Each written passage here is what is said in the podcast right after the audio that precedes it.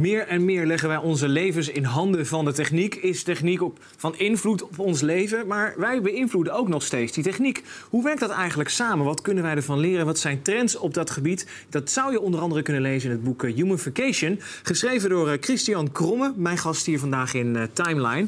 Welkom Christian. Dankjewel. Uh, ondernemer, schrijver, maar ik vind ook trendteller, future watcher of wat hebben we nog meer? Spreker. allemaal dingen die jij bezig maar allemaal wel rond, dat, rond diezelfde thema's. Hè? Klopt, ja, ja. Humanification voor de mensen die kijken, die denken... nou, ik ga besluiten of ik uh, ga blijven kijken in de volgende minuut. Leg even uit waarom dit heel interessant is. Ja, humanification gaat eigenlijk over parallellen die ik heb gevonden tussen de natuur. hoe cellen een biologieprobleem oplossen en hoe wij mensen dat met technologie doen. En er blijken eigenlijk heel veel overeenkomstige parallellen te zitten. Wat eigenlijk mogelijk maakt om de toekomst te voorspellen. Ja. En dat wil iedereen wel weten eigenlijk. Nou ja, als we, jij hebt ook een futuroloog, of hoe zeg je dat? Trendwatcher erin zitten. De, eerste vraag die voor mij... Nou, heb je dan een glazen bol? En jij zegt eigenlijk, nee, we kunnen het op een ander gebied... kunnen we dat veel beter destilleren eigenlijk. Dat vertelt ons wat over de toekomst. Ja, ja, ja klopt. Uh, ik heb eigenlijk een paar, jaar terug een ontdekking gedaan. Mijn dochtertje was heel erg ziek, terminaal ziek zelfs. Um, toen ben ik eigenlijk gaan kijken, wat is eigenlijk gezondheid? En hoe meer ik daarin ging verdiepen, hoe meer ik erachter kwam... dat er heel veel parallellen zitten tussen cellen en, en mensen eigenlijk. We communiceren op dezelfde manier, lossen op dezelfde manier problemen op. En waar ik eigenlijk achter kwam is dat er een golfpatroon zit in de evolutie van de biologische organismen. En wij doorlopen, met mensheid doorlopen datzelfde golfpatroon. En je kan eigenlijk zien een patroon als het zich herhaalt. Het is een soort geheugenwerking. Dus je kan precies zien wat de volgende grote golf is, waar het heen gaat en wat de impact van die golf gaat worden. Heel even op de rem, want uh, dit is denk ik wel een goede trigger. Mensen, oh ja, hier wil ik meer van weten. Tenminste, dat, dat hoop ik dan toch. Je dochter is doodziek. Ja. En eh, ik kan me voorstellen, dit doet, dat doet van alles met je als, als uh, jong gezin. Heel veel mensen zullen lam geslagen daarvan raken. Het zette jou aan om eigenlijk de boeken in te duiken. Moet ik het zo zien? Of, ja, dat klopt. Ja, ja. Waarom? Uh, nou, ik ben 15 jaar ondernemer geweest, disruptor. Ik hielp grote bedrijven om zichzelf nieuw uit te vinden. het wil opnieuw uit te vinden. En toen ik merkte eigenlijk van ja, die bedrijven die wilden vaak vernieuwen, die wilden innoveren. Maar als het moeilijker werd, stapten ze terug in een oude patroon. Gingen ze weer de oude dingen doen, want dat was lekker vertrouwd. Ook heel menselijk eigenlijk. Heel menselijk, ja absoluut. En wat ik eigenlijk merkte toen wij in de situatie met onze dochter zaten, deed ik precies hetzelfde. Ik vertrouwde het medische systeem, alleen het ging haar niet verder helpen. Zij heeft een zeldzame genverwijking die maar drie, vier, vijf mensen in de wereld hebben. En die waren allemaal overleden na een aantal maanden. Dus dat was eigenlijk het, het perspectief wat we hadden. En uh, ik dacht van ja, nu doe ik eigenlijk hetzelfde als die bedrijven. Ik vertrouw op oude systemen. En ja, dat is een unieke situatie, dus ik moet op een unieke manier gaan denken. Dus toen kwam de disruptor mij naar boven. Ja. dacht ik van ja, we moeten gewoon iets anders bedenken, anders gaat dat meisje het niet halen. Uh, dus we hebben na drie maanden hebben we uit het ziekenhuis gehaald. Hele moeilijke beslissing, want ja, het is toch een soort van veilige omgeving. En zelf eigenlijk therapie uh, gevonden. Die hebben we toegepast op haar experimentele therapie. En dat heeft haar binnen een aantal maanden eigenlijk een hele stijgende lijn gezorgd. En ze is nu zes jaar oud. Ze gaat naar school, ze doet een ballet, een gym, ze fietst. Ze is eigenlijk volledig erbovenop. Weer een normale indicatie heeft ze. En ja, doordat je zo diep gaat in, in die biologie, uh, heb je als ja, met technologieachtergrond zag ik steeds meer van die parallellen. En zo kwam het eigenlijk uh, in mijn beeld. Ja. Dit wordt een uitzending van parallellen dus, die we trekken tussen techniek, de mens, uh, maar ook gedrag. Dus dit is ook wel heel erg dat menselijke gedrag dat wij vertrouwen aan dat wat we kennen. Ja. En dat we daar ook alles aan ophangen. Hoe breek je daar dan uit? Hoe breek je daar dan uit? ja, um, ik geef heel veel keynotes, een lezing over het gebied van waar gaat het heen met uh, de wereld, zeg maar. Uh, dus een soort vooruitblik, waar de komende vijf tot tien jaar heen gaat. En voor mensen, uh, ja, die hebben vaak een eye-opener dan van... hé, hey, ik moet veranderen, want als ik het niet doe, ga ik heel veel pijn ervaren. En net als in de biologie, organismen houden niet van pijn. Dus die gaan andere manieren verkennen om die pijn te vermijden. En dat zie je nu dat heel veel organisaties dat ook doen. Die proberen eigenlijk allerlei manieren te innoveren of te veranderen... om die pijn van over een paar jaar niet meer te bestaan te voorkomen. En pijn is eigenlijk daar een hele goede motivator voor bedrijven en voor, voor mensen ook. Om uit een bepaald oud gedrag te komen. Ja, het, uh, het kan ook leiden naar dat je dus teruggrijpt aan dat wat veilig is. Ja. Uh, dus, en daar moet je dan even doorheen. Ja, daar moet je voor doorheen. Maar als mensen zien van hey, waar, waar het heen zou kunnen gaan... en ze zien wat voor pijn er tegenover staat... dan verandert vaak wel het gedrag daardoor. Ja. En wat we eigenlijk vaak proberen is mensen van, van onbewust, onbekwaam naar uh, bewust onbekwaam te krijgen. Zodat ze weten van hé, hey, er is iets niet goed. Ik moet veranderen. En dat moet ik gaan aanpakken. Ja. We pakken even wat uh, tweets en berichten erbij. Dingen die ik tegenkwam van jou uh, online. Het is het programma Timeline. Ja. dan kijken we naar een van de eerste posts. Dit, oh, dit, was een quote die ik zag. Volgens mij in een artikel wat jij ergens had gegeven. humanification is more than just an idea. It's a new wave of understanding that helps to make sense of what's driving technology. What's in store for a new more collaborative society and how we do business in the future. Het, het is is dat het onheilspellende idee van die toekomst die zo erg gaat veranderen? Dat maakt dat 45% van de bedrijven, dat was ook iets wat jij schreef of uh, zei, 45% van de top 500 bestaat straks niet meer. Ja, ja dat zijn de voorspellingen. De Fortune 500 bedrijven, dat over 5 tot 10 jaar gewoon de helft nog maar van bestaat. Dus ja. uh, er komt echt een, een, ja, ik geef altijd een tsunami van verandering op ons af, van technologische disruptie, uh, vernieuwing. En voor heel veel bedrijven die zich niet kunnen aanpassen, is dat gewoon het einde. En, ja. um, is dat erg? En ik denk het niet. Ik, in, het, in de natuur is het ook heel gezond dat bepaalde uh, organismen uitsterven en dat er nieuwe voor in de plaats komen die het probleem efficiënter en beter oplossen. Ja. Dus ik denk dat het een normale gang van zaken is. Als we dat identificeren als eigenlijk een goed proces, hè, e evolutie. Uh, hoe, hoe komt het dan toch dat, dat daar zoveel verzet op is? Uh, hebben wij de systemen verkeerd ingericht? Ik bedoel, bedrijven die houden zichzelf het liefst natuurlijk in stand en anders hun aandeelhouders wel. Ja, ja.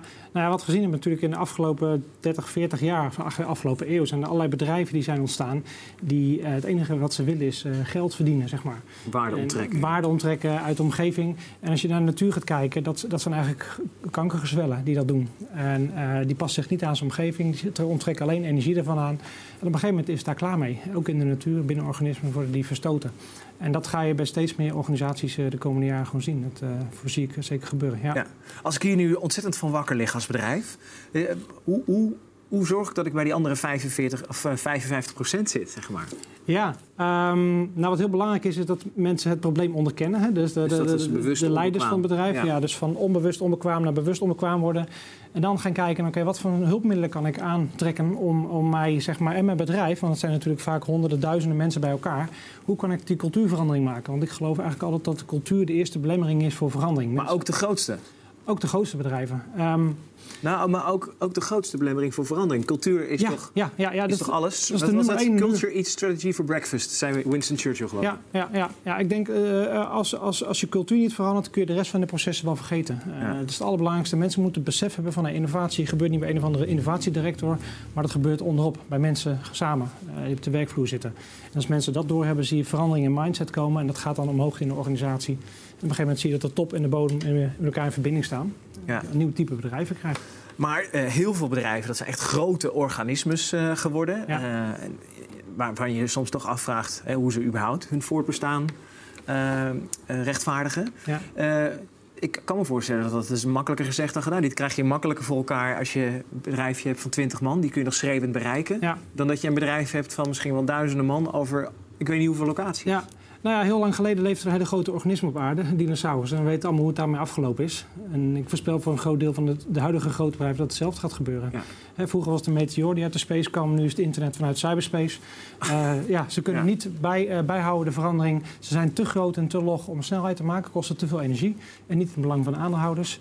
Dat model is denk ik geen plaats meer in de komende 10, 20, 30 jaar. Volgende bericht, pakken we erbij. Kijken wat we daaruit kunnen afleiden. Microsoft's AI deepcoder wants to take away the drudgery of coding. Dus ik spreek het vast verkeerd ja. uit.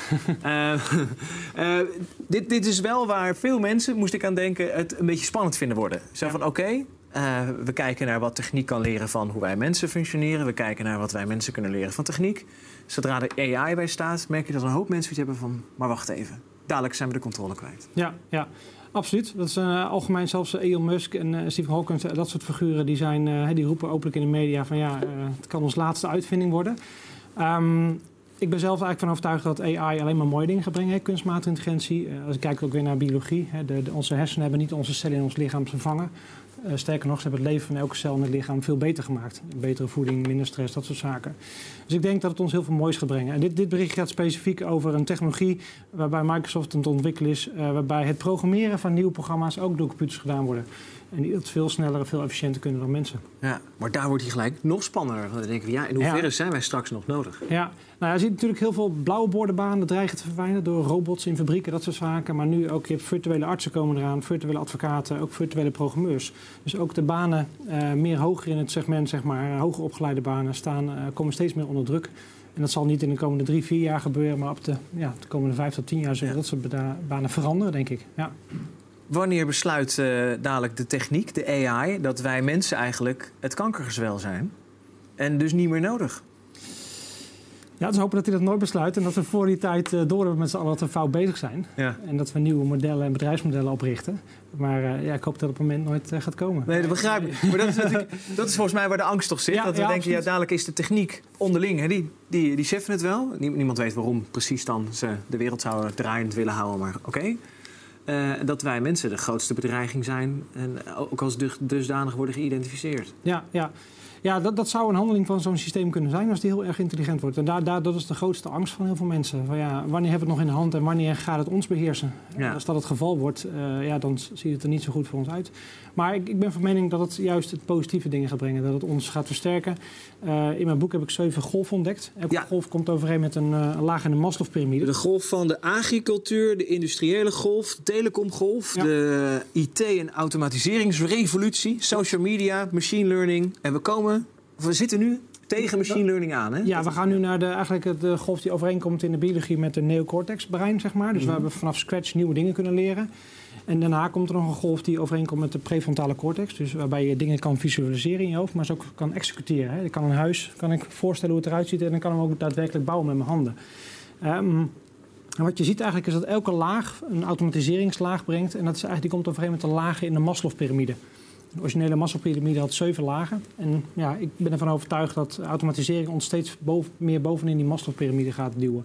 Dus naar een leven van fulfillment, uh, hele leven leren, ja, een purposeful life, zeg maar. Dus echt, uh, ja, ja, maar ja, dat is ook, dat, daar moeten we ons dan ook maar bezig gaan houden, denk ik. Als de rest allemaal ge-AI'd en geautomatiseerd is. Ja, ja. De purpose of the human being, is, is dat ons voorland dan? Dan zijn we een beetje creatief bezig met elkaar. Ja, creatief en heel erg sociaal. En je ziet zelf dat banen al steeds meer die kant op gaan. Hè. Je ziet een hele grote golf van mensen die ZZP'er of freelancer worden. Al dan niet verplicht of, of, vrijwillig. En die willen dat omdat ze zelf willen kiezen wanneer ze werken, voor wie ze werken, wanneer ze werken en hoe ze hun vrije tijd en, en leven inrichten. Dus je ziet steeds meer dat mensen gaan, gaan kiezen voor dingen die ze leuk eh, vinden. De technologie maakt dat steeds meer mogelijk. Als je een rijbewijs hebt en je auto kun je gaan uberen. Als je een appartementje vrij hebt in Amsterdam, dan kun je bijna een maandloon via Airbnb verdienen. Dus het wordt steeds makkelijker om met allerlei technologische tools en platformen je geld te verdienen. En uh, ja, meer vrije tijd over te houden voor leuke dingen. Ja. Is dat niet iets waar wij als maatschappij ons ook mee bezig zouden moeten houden? Wat gaan we in vredesnaam doen met al die mensen die dadelijk zoveel vrije tijd hebben? Um, nou, wordt nu op zich al heel veel onderzoek naar gedaan. Uh, Universal Basic Income is een voorbeeld. Hè, dus iedereen gewoon een vast bedrag krijgt, ongeacht wat hij doet. Um, er is een grote angst voor een sociale onrust natuurlijk. Dat er over een paar jaar zoveel mensen op de bank zitten die, die hun sense of urgency kwijt zijn van ja, wat doe ik hier eigenlijk? Um, en daar moet iets voor komen. En ze denken nu dat dat Universal Basic Income uh, een goed idee is. Maar daar zullen we in moeten experimenteren, denk ik. Kijken waar we heen gaan. En hoe we toch uh, mensen een, een, doel kunnen geven in het leven. Ja. Volgend bericht. Pak hem er gewoon bij. Kijken wat ik uh, ook alweer had klaargezet voor je. Oh ja, blockchain technology has the power to let us build an entirely new internet. Ik, ik hoor veel over blockchain. We hebben een aantal uh, uitzendingen ook al uh, bij Steven Dutchess met gasten die daarover praten. Voor mijn gevoel is het, nog, is het nog ver weg. Wordt er over gepraat, wordt mee geëxperimenteerd, maar het is nog niet, nog niet zo uh, tastbaar. Is dat een uh, mis, misvatting? Nou, het is natuurlijk in de beginstadia van de ontwikkelingen. Uh, ik denk dat er nog veel meer gaat komen. Maar wat je nu ziet, het is natuurlijk de, de achter, achtergrondsystemen achter allerlei cryptocurrencies, zoals de bitcoin, zeg maar. Maar je ziet het nu al dat het gebruikt gaat worden, het systeem, om slimme contracten te maken, bijvoorbeeld. Die geld van A naar B overmaken als aan alle voorwaarden wordt voldaan. Of uh, systemen, handelsplatformen te voorzien. Dus dat je uh, handel kan doen vanaf de aanbieder tot de vrager, zonder dat er een tussenhandel tussen zit. Als je ziet dat het steeds meer toepassingen krijgt, en ook daar denk ik dat we de komende vijf tot tien jaar nog een hoop moeten experimenteren. Maar dit gaat wel heel veel tussenhandelbedrijven en tussenhandelfuncties, zoals uh, notaris, et cetera, onder druk zetten. Ja. Is het wat dat betreft ook straks een, iets waar AI ontzettend gebruik van zal maken? Wij creëren nu eigenlijk een tool die uh, de artificial intelligence eigenlijk kan inzetten om nog meer uit ons handen te nemen? Dat denk ik wel, ja. Want wat we met blockchain eigenlijk doen, dat zijn een soort, soort punten van waarheid creëren. Een soort documenten rondom objecten of rondom mensen of rondom uh, contracten. En die houden de waarheid in zichzelf. Dus er hoeft niet een derde persoon te zeggen als een bank van... hé, hey, dit is waar of dit is te vertrouwen. En kunstmatige intelligentie kan van dat soort databronnen veel efficiënter gebruik maken. Als je gewoon weet van het klopt en het is eh, secure en dat soort zaken. Gaan we daar denk ik een internet wat op een heel ander niveau veiligheid kan bieden dan uh, we nu hebben. Ja, ja. Ik, ik denk, uh, hier, hier, praten we over met mensen die zich hier inlezen en hiermee bezig zijn. wanneer is dit in het, in het leven van, zeg maar even, Jan met de pet, van, ons, van ons allemaal? Of, of zeg je nou, dat, dat zal al veel eerder gaan dan, dan je denkt? met blockchain is dat moeilijk te voorspellen. kunstmatige intelligentie zit eigenlijk al in de meeste diensten die mensen gebruiken. Google Translate, Facebook, de manier waarop je ads, de, advertenties te zien krijgt. is allemaal met machine learning wordt het al gebruikt. Dus het zit eigenlijk aan de achterkant al heel veel systemen. Siri, Google Assistant, Alexa van Amazon, dat zijn van die virtuele assistenten. Werken allemaal al met machine learning en kunstmatige intelligentie. Blockchain zal iets langer duren. Maar ik denk dat er straks ook gewoon eerste handelsplatformen komen waar jij gewoon een muziekje kan downloaden of een film kan downloaden. En dat je rechtstreeks betaalt aan de producent en niet meer aan een groot platenlabel of een grote partij als eh, Apple die ertussen zit. Dus ik, hoor al een paar keer dat in ieder geval de tussenpartij, het is dood aan de tussenpartijen, die gaan allemaal verdwijnen. Nog meer dan nu al. Ja? ja? vroeger had je natuurlijk de uitzendbureaus en al dat soort tussenhandelpartijen uh, die die soort intermediair functie vervangen. We zien natuurlijk dat de banken en de verzekeringen afgelopen jaren met duizenden mannen zijn geschronken en vrouwen. Uh, dat gaat alleen maar meer worden. Technologie gaat al die interacties faciliteren en veel minder marges rekenen. Uh, niet, niet tientallen procenten, maar tiende procenten. Dus ja, dat, dat is een moeilijke concurrentie voor traditionele organisaties. Heftig als je tussenpartijtje bent. Ja, absoluut. Dat zijn, dus, zijn dat misschien wel de eerste mensen die op de bank komen te zitten. Los eventjes van uh, mensen die een auto besturen. van die obvious bedrijf, uh, beroepen die uh, worden geautomatiseerd.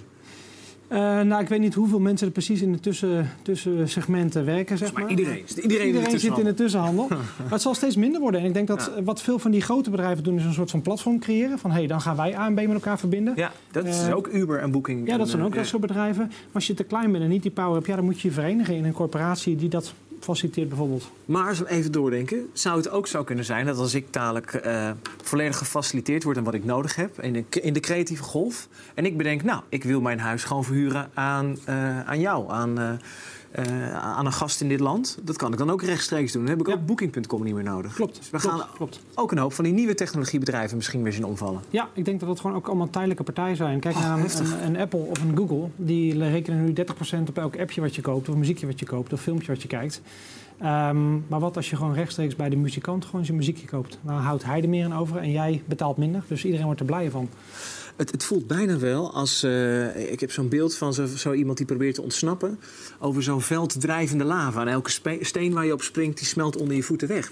Is, er, is er überhaupt nog wel iets solid? Nou, dat ja. De mens zelf, denk ik. Uh, als je kijkt naar hoe wij zijn en wat ons gedrag is en wat onze motivaties zijn en onze behoeften zijn, die zijn redelijk steady. Alleen de tools en de technologie om ons heen verandert continu om het op een andere manier in te vullen. Maar we zijn nog steeds mensen die, die sociaal willen zijn, die contact willen hebben met andere mensen. Ja. Dat is redelijk solid. En vandaar ook mijn boek, Humanification. Daar moet je op inspringen als bedrijf. En als je daarop inspringt, kijk naar de Cool Blues en dat soort grote bedrijven die vooral op de mens gefocust zijn. Die, die gaan allemaal exponentieel uh, aan het groeien. Maar ook tussenhandel. Nog wel, ja, ja. ja, Maar die gaan wel een andere rol vullen. Die is heel erg op het service gaan zitten. En ja. Uh, het leveren van een product is eigenlijk bijzaak voor hun. Ja. Dus dat, uh, ik denk dat steeds meer bedrijven zich op het menselijke aspect moeten gaan focussen. En als je daar zit, zit je voorlopig uh, nogal veilig. Ja. Totdat ik denk aan een nieuwe tv, contact maak via mijn eigen AI-systeem in huis en die van de band rolt van de printer bij mij op de hoek van de straat, heb ik Coolblue nog nodig. Nou, misschien zijn zij dan de leverancier van de 3D-printers. Ja, ja. Je weet het niet. Hè? Ja, dus bedrijven die op die manier denken van... hé, hey, als er over vijf jaar de wereld zo uitziet... wat is dan mijn rol nog binnen die wereld? Als dat de behoefte van mensen zijn en dat kunnen we doortrekken... dat is redelijk steady. Dus dat, uh, Volgend bericht. Kijken of er nog eentje in de tijd kan. Uh, oh ja, deze had ik er even in. The uh, number of electric vehicles grew 60% last year. Gewoon even zo'n. Dit is volgens mij waar heel veel mensen vooral mee bezig zijn. Dat is de, de gadgetificering van, de, van deze tijd volgens mij. Mensen bezig zijn met, met een zonnepaneel op het dak of een elektrische auto rijden. Is dat eigenlijk een afleiding van wat er echt aan het gebeuren is op de achtergrond? Ja, het, is, het, zijn de vruchten natuurlijk van, van de boom die aan het groeien is. En, en dit is wat het meest visueel of het meest zichtbaar is. Wat je eigenlijk gewoon ziet gebeuren is dat, dat uh, technologie steeds meer saaie dingen gaat vervangen. Als autorijden, dat soort zaken. Uh, energie opwekken. Um, en die maakt veel dingen makkelijker. En ik denk dat voor mensen uh, steeds meer invulling wordt van, van hun behoeften, van hun menselijke behoeften. Ja. In de vorm van, van gave gadgets en mooie dingen. Ja, ja, die Airbus heb ik er zelf even ingeplakt. Dat was het geloof ik en ook een soort auto, een vliegende auto. Ja, het is een drone wat je ziet. Ja. Met een vliegende drone met eronder een karretje. En die kan ook op wielen geklikt worden. Dan is het een autootje. Ja. En die brengt je eigenlijk net als een, bloedval, een bloedcel in je lichaam. Brengt hier van A naar B. En soms door de lucht, soms over de grond. En het maakt niet meer zo uit waar je in zit en wat voor merk het is, als je maar van A naar B komt heel snel. En uh, dat sluit ook aan bij de behoeften van de jongere generaties. Die hoeven niet zo niet meer een auto te hebben. Die willen gewoon van A naar B, die willen mobiliteit. En dit soort concepten speelt er eigenlijk uh, perfect op in. Als we even uh, tot slot een beetje vooruit kijken, moet ik gewoon zien dat het een, het verschuiven van het perspectief is. Wij mensen vinden onszelf nu het brein van de wereld. We doen, we doen trouwens niet zo heel erg goed met z'n 7 miljard als je kijkt wat er qua verdeling en zo. Dat dadelijk misschien AI het brein is en wij, de mensheid, de, de levende cellen. Ja, zo zie ik het wel een beetje. En in de natuur gaat dat heel erg goed. En uh, ik geloof zeer dat wij... Uh, iedereen heeft een purpose, net als de cellen in je lichaam. Hè. Een hartcel doet niks liever dan, dan kloppen elke dag. Die zit niet morgens wakker worden van... heb ik geen zin in. Krijg niet betaald, krijg gewoon kosten inwoning. Hè, universeel basisinkomen. Ik denk dat wij daar als samenleving ook heen gaan. En dat we naar echt een, een, een, een samenleving gaan die harmonieus, harmonieus is en coherent. Dus iedereen communiceert prima met elkaar. En dat dat weer een startblok is voor een volgende fase. Binnenkort ook in het Nederlands te lezen. Het boek uh, Humanification van Christian Kromme. Er komt geloof ik ook een instituut en een academy. Hè, Zijn we druk mee bezig. Om dat in de praktijk te brengen. Ik wil je hartelijk uh, danken voor ons meenemen in deze wondere wereld waar techniek en biologie bij elkaar komen. Ja, vond je dit nou een, uh, een mooi interview en wil je dat delen met een andere levende cel? Gewoon iemand in jouw netwerk. Stuur het dan even rond. Wil je elke maand alle updates van Seven Ditches krijgen? Abonneer je natuurlijk even op de nieuwsbrief. En ja, spread, like en share dit met alle organismes in ons universum. Ik wil je bedanken voor het kijken graag tot de volgende.